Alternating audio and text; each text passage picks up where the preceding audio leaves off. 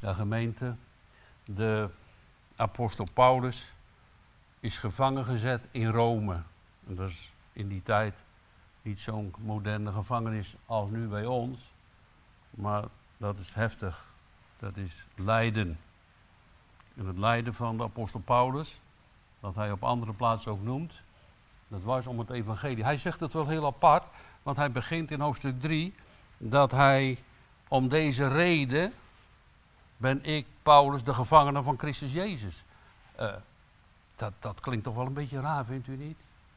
Gevangen van Christus Jezus? Wat bedoel je, Paulus?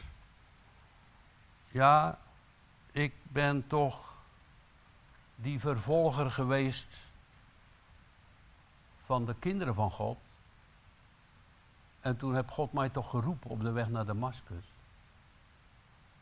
En toen was ik blind en drie dagen heb ik gebeden in de rechte straat, die plaats, die straat daar in Damascus. En toen heeft God toch Ananias gestuurd. En die heeft mij de handen opgelegd en toen kon ik plotseling weer zien. En aan Ananias werd verteld, ik zal die apostel, die man Paulus, die vervolger, die later apostel is geworden, tonen hoeveel hij lijden moet om mijn naam. Dat was het toch? Dat weet u toch vanuit de Heilige Schrift?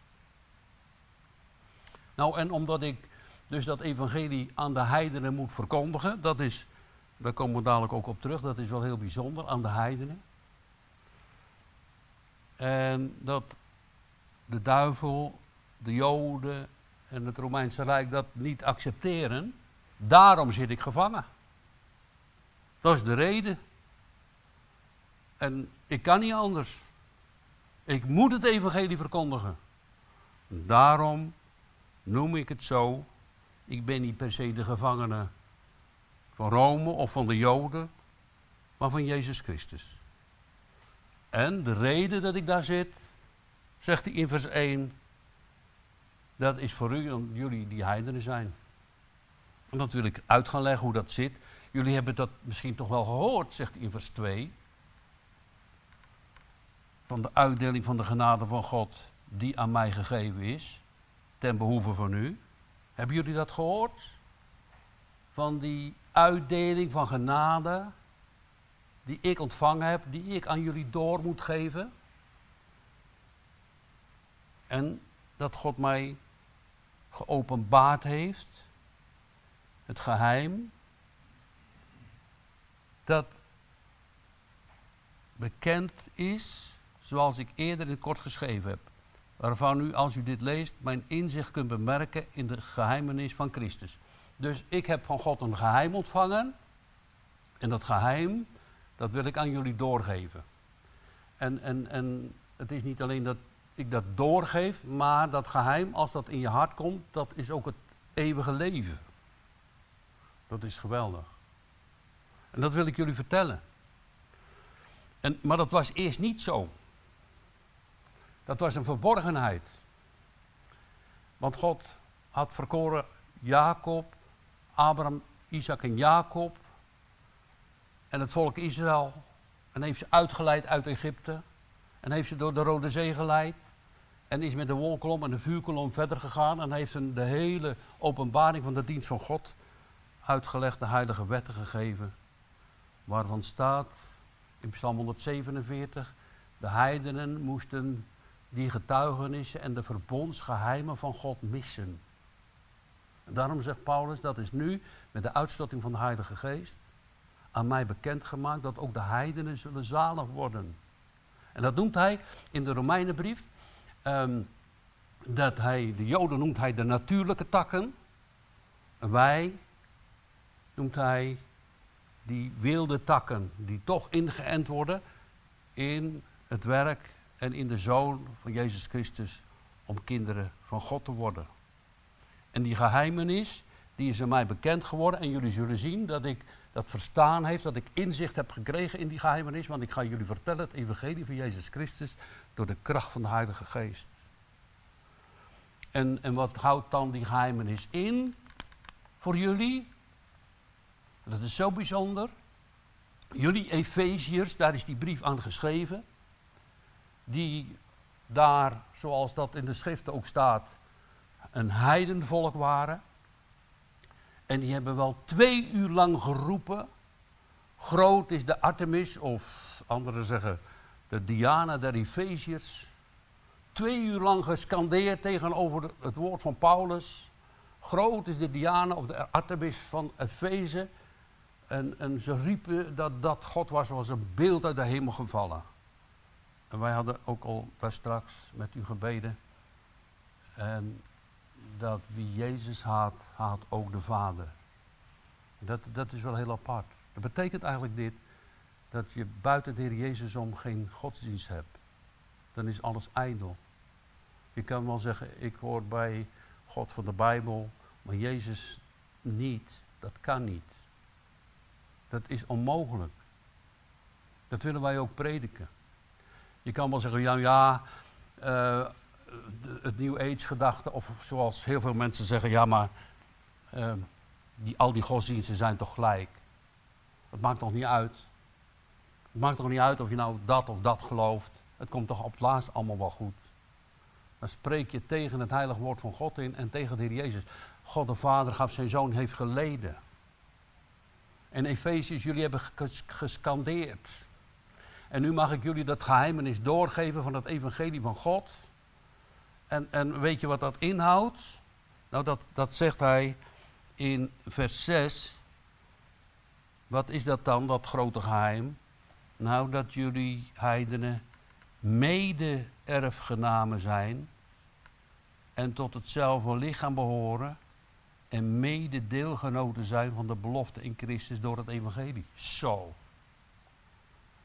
Nou kijk, wat mij eh, toen ik dit zo overdag thuis zo in mijn hart kwam, dat is toch geweldig. Daar moeten ze zich toch wel over verwonderd hebben. Voor ons ook. Of zullen we spreken, ja het is toch vanzelfsprekend dat wij een kind van God worden. Zo komen we ook heel veel mensen tegen. Die vinden dat allemaal zo vanzelfsprekend. Maar dat is niet vanzelfsprekend. Het is een groot geheimenis dat geopenbaard is door de apostel Paulus. Het is bekendgemaakt dat het evangelie van Jezus Christus gaat verkondigd worden. En omdat het evangelie van Jezus Christus naar het woord Gods zo belangrijk is en in de harten komt, daarom zijn jullie erfgenamen van God. Maar dat was vroeger niet zo. Vroeger was dat Joodse volk uitverkoren. En, en dan zegt de apostel Paulus, wat is nou het voordeel van de Jood? Nou, wel het meest dat hun de woorden van God zijn toevertrouwd. Dat kunt u lezen in de Romeinenbrief, hoofdstuk 3. De woorden van God zijn hen toevertrouwd. Dat betekent, uh, ze, ze, hebben dat bewaard. En ze hebben dat ook voor ons bewaard. Ze hebben dat woord van God wel, maar ze hebben geen inzicht. Er zit een deksel op hun hoofd. Ze zien Jezus Christus niet. En als u dat nu leest, wie Jezus Christus is, dan staat in Jezaja 49, vers 6. Daar spreekt de profeet over Jezus. Die zegt, ja, dat, dat is te gering, hè. Dat als Jezus komt, zo'n grote koning, en die gaat lijden, die gaat aan het kruis. Dat is te gering dat hij alleen voor het Joodse volk tot verlossing zou komen. Hè? Tot oprichting van het huis van Israël. Dat is te gering. Nee, zegt dan datzelfde vers, Jezaja 49 vers 6. Maar ik zal u ook geven tot een licht der heidenen. Dat moest nog gebeuren. Paulus wordt daarvoor ingezet. Paulus heeft zich verwonderd. Mij, de geringste van allen. Ik, mag ik dat doen? En het is zo geweldig mooi als je een christen mag zijn. Trouwens, ik denk voor elk mens dat we ons verwonderen over de Allerhoogste God. Dat kunnen we al over de natuur. Dat kunnen we over zijn goedheid, over het eten, het voedsel wat we hebben. Maar als je een kind van God bent en je verwondert je niet over Jezus Christus, over de zaligheid die u geschonken wordt, nou dan is het niet goed. Ik vind het zeker niet goed en God vindt het ook niet goed. God gaat, vindt het, zou het helemaal niet mooi vinden. Nou, het is toch vanzelfsprekend dat ik een kind van God ben. Dat vindt de Heer helemaal niet mooi. Dan gaat u ook aan u voorbij. Dan moet u zich bekeren. Dan moet u gaan leren dat u zo diep afhankelijk bent van zijn heilige naam en zijn kracht en zijn liefde. Dat was de apostel Paulus ook. En ik vind het, ik ga het u doorgeven, ik vind het zo bijzonder als je je verwondert. Wauw, ik heb dat niet verdiend. Ik was in die diepe put, ik was net als die heidenen. Nou, dat, dat die Efezers zich zullen verwonderen over die goedheid van God. Een mede-erfgenaam van Christus. Dus hetzelfde als met de Joden, geen verschil in. Al die rijkdommen voor ons. Nou, dat daar je hart en je ogen en je verstand voor open gaan om dat te zien. Wat God voor ons doet. Dat God voor ons gedaan heeft. Dat is zo geweldig. En als hij zegt mede-erfgenamen en tot hetzelfde lichaam behoren, dan is er werkelijk geen verschil tussen de Joden die geloven in Jezus en die geloven vanuit de heidenen. Er is geen verschil, want de schrift leert ons ook, die geloven zoals Abraham in Jezus Christus, dat is Abrahams zaad. Of je nou uit de heidenen komt of uit het Joodse volk, dat is één geworden. Alhoewel, de apostel Paulus zegt wel, wees voorzichtig met die gaven, doe er wel voorzichtig mee. En ziet hoe u wandelt. Want als God die natuurlijke takken niet gespaard heeft, als het ware weggeworpen heeft, die later wel weer ingeplant worden, dan zal hij u ook zeker niet sparen als u de goddeloze weg gaat. Als u de eigen gerijde weg gaat van de, het ik, van kijk eens wat ik heb en kijk eens wat ik geloof. Nee, wij moeten steeds meer leren, vooral hier in de tijd van de coronacrisis, eh, dat we God in het middelpunt van onze gemeente weten. Hij is ons middelpunt. In ons huis, in onze dienst, met het zingen, met het aanroepen van zijn naam. En we willen zo graag dat u, Heer Jezus, het middelpunt wordt van Uden.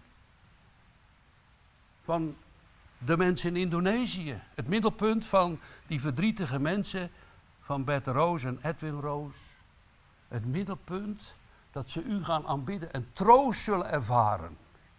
Dat die mannen als die, dat weten we nou niet precies, maar het is ons doorgegeven om toch voor hen te bidden, die Bert en die Edwin, wat betekent dat als die kinderen van God zijn? Dan zijn ze mede-erfgenamen van Christus. En horen bij dat lichaam van Christus. En krijgen de belofte van Christus. En dat is gekomen door het evangelie. Daar hebben die Efeziërs niet om gevraagd. Maar Paulus is gestuurd. Paulus was geroepen. En hij noemt zich de minste van alle heiligen. Hij is een dienaar geworden. Namens de kracht en de genade die God gaf. Het is uit God.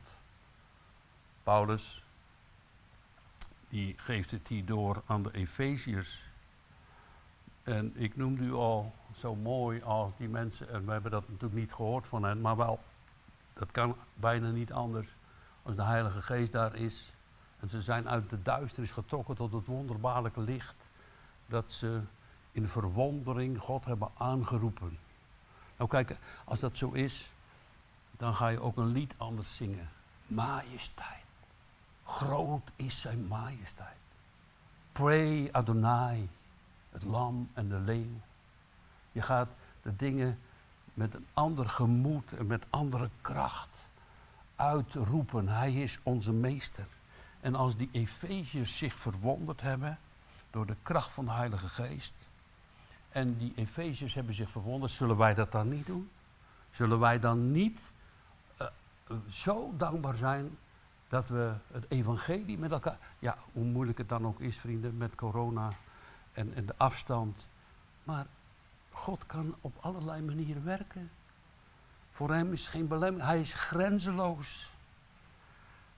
En hij zegt dan, ik ben de allerminste van de heiligen. Mij is die genade gegeven. Zie je dus die, die, die nederigheid van Paulus, die daar gevangen zit en deze brief schrijft. In moeilijke omstandigheden voor hen. Hij zegt, en ik zit daar gevangen voor jullie. Die, die zegt, ja maar ik ben de minste. Hij gaat niet pochen van, kijk eens wat ik allemaal doe. Ik denk dat hij wel het meest ijverig geweest is. Maar hij ziet het allemaal door de kracht en door de genade die hem geschonken is. Onder de heidenen door het evangelie de onuitspeurlijke rijkdom van Christus te verkondigen. Kijk, ik ben wel de allerminste van alle heiligen, maar mij is gegeven, en dat was natuurlijk een grote weerstand, hè? Want de apostel Petrus die was daar zomaar niet mee akkoord om aan de heidenen het evangelie te verkondigen. Dat heb ik nog nooit gedaan, zegt hij toen hij naar Cornelius moest, naar Joppe. Daar ben ik nooit geweest. Ik, ben, ik ga dat, dat, dat heidendomhuis niet binnen. En God stuurt hem wel. Want hij zit op een dak en dan krijgt hij de opdracht met die beest, u weet het. En moet naar Cornelius en de Heilige Geest is op Cornelius gevallen. En, en dan noemt hij dat, die rijkdom van dat evangelie, dat noemt hij een onnaspeurlijke rijkdom. Nou, dus dat betekent dat je dat niet eens kan bevatten. Je kan dat niet begrijpen met je verstand, maar ook niet omarmen. Het is te groot. Het is onnaspeurlijk. Het is de rijkdom van Christus. Ja, als hij alle macht heeft in de hemel en op de aarde. En hij de Curios is. En een uitdeler van genade en van liefde en van trouw. En je mag bij hem horen. Dat je dan die onuitsprekelijke rijkdom van Jezus Christus ook zal ervaren in je leven. En nou wil Paulus eigenlijk dat als je nu christen geworden bent, dat jouw geloof niet op een laag pitje staat, zo'n wakkerig vlammetje dat bijna uitgaat, maar dat je op gaat groeien en dat je die onnaspeurlijke rijkdom van Jezus Christus gaat zien, gaat ontdekken, gaat ervaren. Wie is Hij? Daarom is het zo geweldig mooi dat hoe ouder je ook mag zijn als christen, en je mag daar aan de troon van genade zijn en je onwaarde weten, en ook het heerlijke evangelie kennen en geloven, dat je steeds meer van Hem mag zien en dat je een verlangen krijgt naar Hem die in de hemel is. Waar Jezus is, die onnaspeurlijke rijkdom is Christus natuurlijk zelf. En dat ga ik jullie vertellen. Die rijkdom dat jullie erbij mogen horen. Dat ik jullie niet verstoot. Dat ik met uitgebreide armen sta, dat het ook voor jullie is. En dat het me zoveel verdriet heeft gedaan. Zoals Jezus het uitroept. Daar aan de rand van Jeruzalem, Jeruzalem, Jeruzalem. Och dat jullie bekenden wat tot uw vrede is dienende. Maar jullie hebben niet gewild. En op een andere plaats zegt de, de Heer Jezus, jullie hebben niet gewild dat ik koning over je was. Sla ze hier voor mijn voeten dood. Dat is niet nodig, mensen. Onze zonden, al zijn die zo huizenhoog, die kunnen verzoend worden door het bloed van Christus. Al zijn onze zonden als galaken, dat is rode kleur van ellende en narigheid. Ik maak ze als witte wol. Wat een koning. Dat wil hij doen voor die heidenen. En denk maar niet, zo is het wel gegaan hier in het Westen en bij heel veel christenen. Nou, wij zijn onderhand Israël, Israël geworden, maar dat is helemaal niet zo. Wij zijn uit de heidenen. Laten we dat niet vergeten. Wij zijn uit de heidenen. Wij hoeven ook geen Jood te worden, zoals velen denken. We hoeven niet zomaar een Jood te worden en dan alle wetten van de Joden te gaan ambiëren en die uit te gaan voeren. Want er zullen heus wel dingen bij zijn in hygiëne en andere dingen, als God het ons geeft, dat we daar uh, voordeel aan zullen hebben. Zeker. En aan zijn wetten te onderhouden. Zeker uit liefde. Maar wij hoeven niet als een Jood over het leven te gaan. Heel veel die denken dat dat moet. Dat is helemaal niet nodig. Wij kunnen gewoon als heiden christen uh, in het geloof in Jezus Christus naar de belofte van het woord van God, waar het geheimenis geopenbaard is, ook een mede-erfgenaam zijn bij dat lichaam van Christus horen en de belofte van God ontvangen, omdat Hij koning is over iedereen. Hij is de grote schepper van de hemel en van de aarde. Hij roept ons. Hij houdt van ons. Hij wil ons met zijn liefde ontvangen. Dit heerlijke stuk, dat wilde de apostel Paulus nog eens voor het voetlicht brengen. Hij heeft het op andere plaatsen al gezegd. Maar nog eens een keer te herinneren dat we ons zullen verwonderen over de heerlijkheid en de grote naam van God. En, en, en dan staat er in vers 9, en allen te verlichten. Nou, dat was het ook. Jezus is een licht, ook voor de heidenen. Jezaja 49 vers 6. Opdat zij mogen begrijpen, dus verstaan, wat de gemeenschap aan het geheimenis inhoudt dat door de eeuwen heen verborgen is geweest in God, die alle dingen geschapen heeft door Jezus Christus. Nou, het was verborgen en nu is het plotseling aan jullie gegeven. Wauw, dat. Dat lag met dit lezen van dit stuk zo op mijn hart. Dat ik dacht, doen wij dat ook? Verwonderen wij ons ook dat we erbij mogen horen? Eh, ik zelf, toen voor de dienst sprak ik nog even met een broeder. En ik zei tegen hem, weet je wat mensen zich vandaag aan de dag over? Die staan in tranen als ze zo'n prijsje gewonnen hebben van 10 of 100.000 euro. En dat brengt over het algemeen nog ongeluk ook. Want ze worden van al dat geld nog ongelukkig ook. Maar voor dit, heel veel mensen halen hun neus hiervoor op. Nou, houden jullie het maar. Dat hoef ik niet. Dat doet ons verdriet. Dat doet de Paulus verdriet. Dat doet de Heere God verdriet. Hij gaf zijn zoon. En verlicht te worden, dat is inzicht te krijgen over jezelf, over onze afkomst, over deze verloren wereld, over die diepe afgrond. Hè? Die ene afgrond roept tot die andere afgrond. Maar dan ook inzicht krijgen over wat Jezus voor ons gedaan heeft. Hij hing daar niet alleen voor het Joodse volk. Je mag ook zeggen, hij hing daar ook voor mij door het geloof. Dat ze dat mogen begrijpen, verstaan. Wat die gemeenschap, dat contact met God, die relatie met God inhoudt. Je bent een medeburger, een mede-erfgenaam. Je hoort bij dat liggen van Christus. Zo. En al die beloften zijn voor jou. Ja, maar dan kan je misschien zeggen, ja, ik ben wel arm en ik voel het niet altijd. En het is moeilijk hier in deze wereld. Je hebt veel tranen en veel verdriet. En dat is juist ook met de familie van Bert en Erwin Roos zo aan de hand. Zeker. Daar moet je niet licht over denken. Daar moet je niet uh, licht over denken. Maar we zullen eventjes proberen dit zo te doen. Oké. Okay. Ik zal nog steeds dan. Ja, dus dat, dat verdriet. En, maar, maar het is zo belangrijk dat die gemeenschap, hè, vrienden, uh, met Christus, dat we dat mogen ontvangen.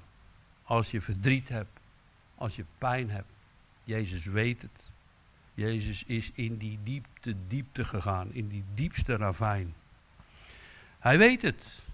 Hij wil de gemeenschap geven aan ons. Hij heeft gezegd, als jullie nou doen wat ik zeg, dan noem ik jullie mijn vrienden. Als jullie naar mij luisteren en mij als het allerhoogste goed mogen zien, ik geef jullie het eeuwige leven. Hier staat het in vers 9. En alle te verlichten dat ze mogen begrijpen wat de gemeenschap aan de geheimenis inhoudt. Dat door de eeuwen heen verborgen is geweest in God, die alle dingen geschapen heeft door Jezus Christus. Dus het, het, is gewoon ook een plan van God de Vader geweest dat het zo ging. Dan kan je zeggen, daar ben ik het niet mee eens. Dan kan je zeggen, ja, maar zus of zo. Maar dat is niet aan ons. Wij kunnen ook wel zeggen, ik ben het er helemaal niet mee eens hoor, met die coronavirus en dat het allemaal over de wereld komt. Komt het nou van God of komt het nou van de mensen? Nou, daar gaat het niet om, maar het gaat erom dat wij een schuilplaats hebben. Daar gaat het om, dat wij de gemeenschap hebben met Jezus Christus. En ik heb het u gezegd en anderen ook genoemd, dat wat uh, Jozef zei, hè? Jozef zegt tegen zijn broers, jullie dachten dat een kwade. Nou, zo kan het ook met het coronavirus gaan. Jullie dachten dat een kwade, maar God heeft het ten goede gekeerd. Wil u dat doen, heren? Dat is ons gebed. Dat u het omdraait en ten goede keert. Hoe moeilijk het ook voor ons lijkt, Gods genade werkt door. Dat blijkt wel omdat die geheimenis openbaar is.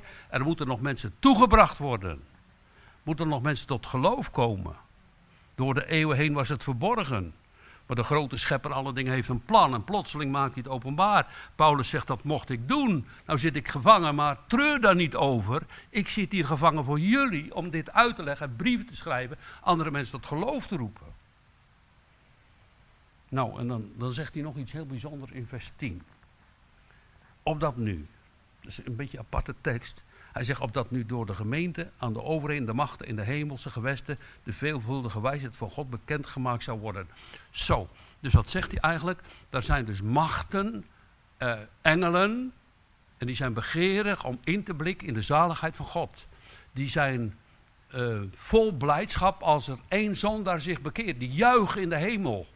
En nu, door wat Paulus nu mag doen, dat geheimenis gaan openbaren, daar hebben die engelen in willen blikken. Hoe zou dat nou mogelijk zijn dat al die woorden vervuld worden van het Oude Testament? En die worden vervuld, want Paulus mag dat uit gaan delen. En die engelen gaan dat zien. En die overheden en die machten, vooral de tegenstanders van God, die zullen verschrikken.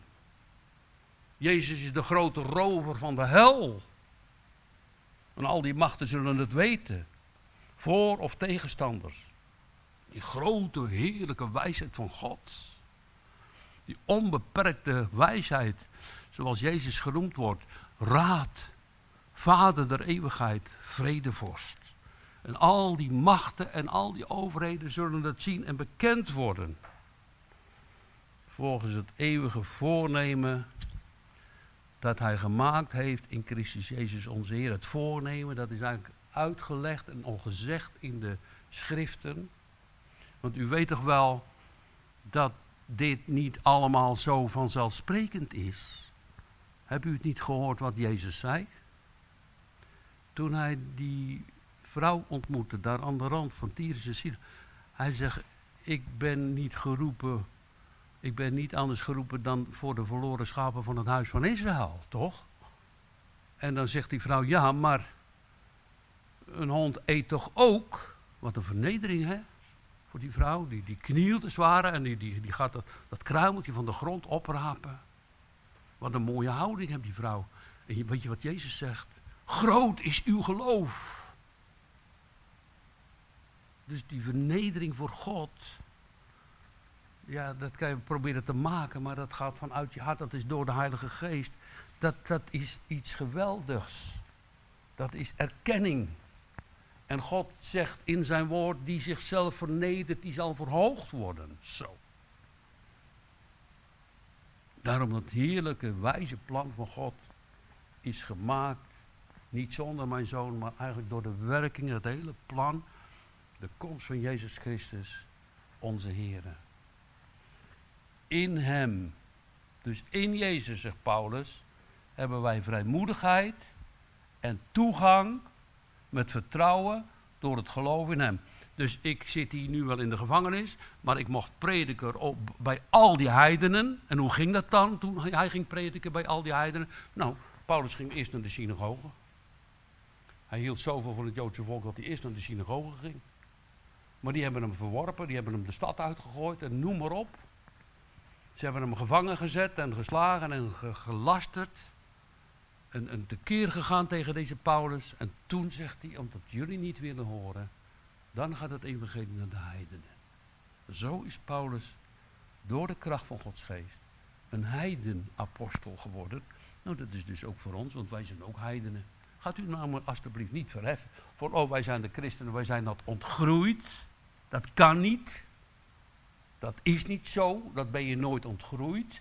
Wij komen dan als heidenen, gezaligde heidenen, die in Jezus geloven, mogen wij erfgenaam zijn van Jezus Christus. Maar als je daarboven verheft, dan doe je geen goede dingen. Daarom zegt hij, als dat nu zo is, en ik zit daar in de gevangenis, en jullie denken, nou moet je kijken, dat is toch helemaal niet mooi hè? Dat ik in de gevangenis zit, kijk nou wat komt er nou van terecht van dat plan van God hè? Wat komt er nou van, van welk plan is dat nu met die coronavirus? Al die kerken staan stil. Er is livestream. Wat moet dat nu allemaal? En dan zegt Paulus in vers 13. Daarom vraag ik u dat u de moed niet verliest. Kom nou, God is dezelfde. Dat u de moed niet verliest, omdat ik verdrukkingen leid. Want ik leid verdrukkingen voor jullie, want dat is uw heerlijkheid. Hij wilde alleen maar zeggen, kijk, ik mag het zomaar doorgeven. Laat mij nu maar in die gevangenis zitten, maar ik, weet je wat ik ga doen? Ik ga voor jullie bidden. Ik ga jullie brengen aan de troon van genade. Ik wil niet dat jullie zomaar een klein vlammetje zijn, maar dat dat vuur in jullie hart groter gaat worden. En daar ga ik nu voor bidden. Dat is het vervolg wat hij zegt. En dan gaat hij daar in die gevangenis in Rome zijn knieën buigen voor al die gemeenten waar hij bij hoorde. En juist ook voor de Efeziërs. Want hij zegt in vers 14, we gaan nog maar even verder in, in deze overdenking. Ik vond het moeilijk om daar zomaar één tekst uit te nemen. Omdat ik denk, ja, dit is zo geweldig mooi wat Paulus hier laat zien. Een tussenstuk in, in, in, in, in het gedeelte van de Efeziërs. En dan zegt hij, om deze reden buig ik mijn knieën, knieën voor de Vader van onze Heer Jezus Christus. Nou, om de reden dat jullie zalig worden, omdat jullie dus erfgenamen zijn en dat dat lampje bij jullie misschien maar heel klein is, maar dat het groter gaat worden. Het is uw heerlijkheid, het is de sagina, de doxa, die God jullie geven wil. Om die reden ga ik bidden. En buig ik mijn knieën voor de Vader van onze Heer Jezus Christus. En die Vader van onze Heer Jezus Christus, naar wie elk geslacht in de hemel en op de aarde genoemd is. En wat ga ik nu bidden? Wat ga ik nu aan God vragen? En dat mag ook voor ons zijn, hier Ude, en voor de gemeente Levende Woord, voor alle die meeluisteren. Uh, naar wie elk geslacht genoemd is in de hemel en op de aarde, opdat Hij u geeft hij heeft al zoveel gegeven. Maar ik wil dat jullie nog meer ontvangen zullen. In die kracht en in die gemeenschap van God. Naar de rijkdom van zijn heerlijkheid. De heerlijkheid is die doxa hè, in het Grieks. De segina, het licht. Met kracht gesterkt te worden door zijn geest in de innerlijke mens. En dat betekent vrede met God, rust in je ziel. Hij deed het voor mij. Hij is de goede herder. Hij gaat mij voor. Ik hoef niet zoveel te doen. Je leest dan ook Psalm 23. Hè? Uh, hij voert mij zachtjes aan zeer, stille wateren. Hij verkwikt mijn ziel. Hij is het. Ik mag daar een opzien. En, en, en, en, en al denk je dan dat het niet goed zit. Want je hebt zoveel aanklagers. Duivel, van zonde, van je eigen leven. Ga naar Jezus toe. Ga ook op je knieën. Voorgangers, ouderlingen, wij voor jullie en jullie weer voor ons. En Paulus hier, de gebeden die God verhoord heeft, die kunnen nog ook voor ons grote betekenis hebben. Want opdat hij u geeft naar de rijkdom van zijn heerlijkheid. Dat u met kracht gesterkt wordt door de Heilige Geest in de innerlijke mens. Dat je niet meer zomaar met alle wind van leer, dan is het, het weer zo en dan weer zo. Dus dat je met alle wind van leer heen en weer Wat is het nu echt? Dat het een vaste grond wordt. Jezus is het alleen. Een vaste grond in je leven. Wat zeggen anderen allemaal? Allemaal die andere geluiden die je hoort. Van familieleden soms. Van mensen die. Ja, maar in dat nieuw gedacht, dat is toch allemaal wel goed zeggen wij nee, Jezus alleen. Want wie Jezus gezien heeft, heeft de Vader gezien. Daar biedt Paulus om. Dat de Heilige Geest, als Jezus opgevaren is naar de hemel, dat met de kracht van het woord en de Heilige Geest je rust krijgt. En dan zegt hij in vers 17, opdat Christus door het geloof in uw harten woont.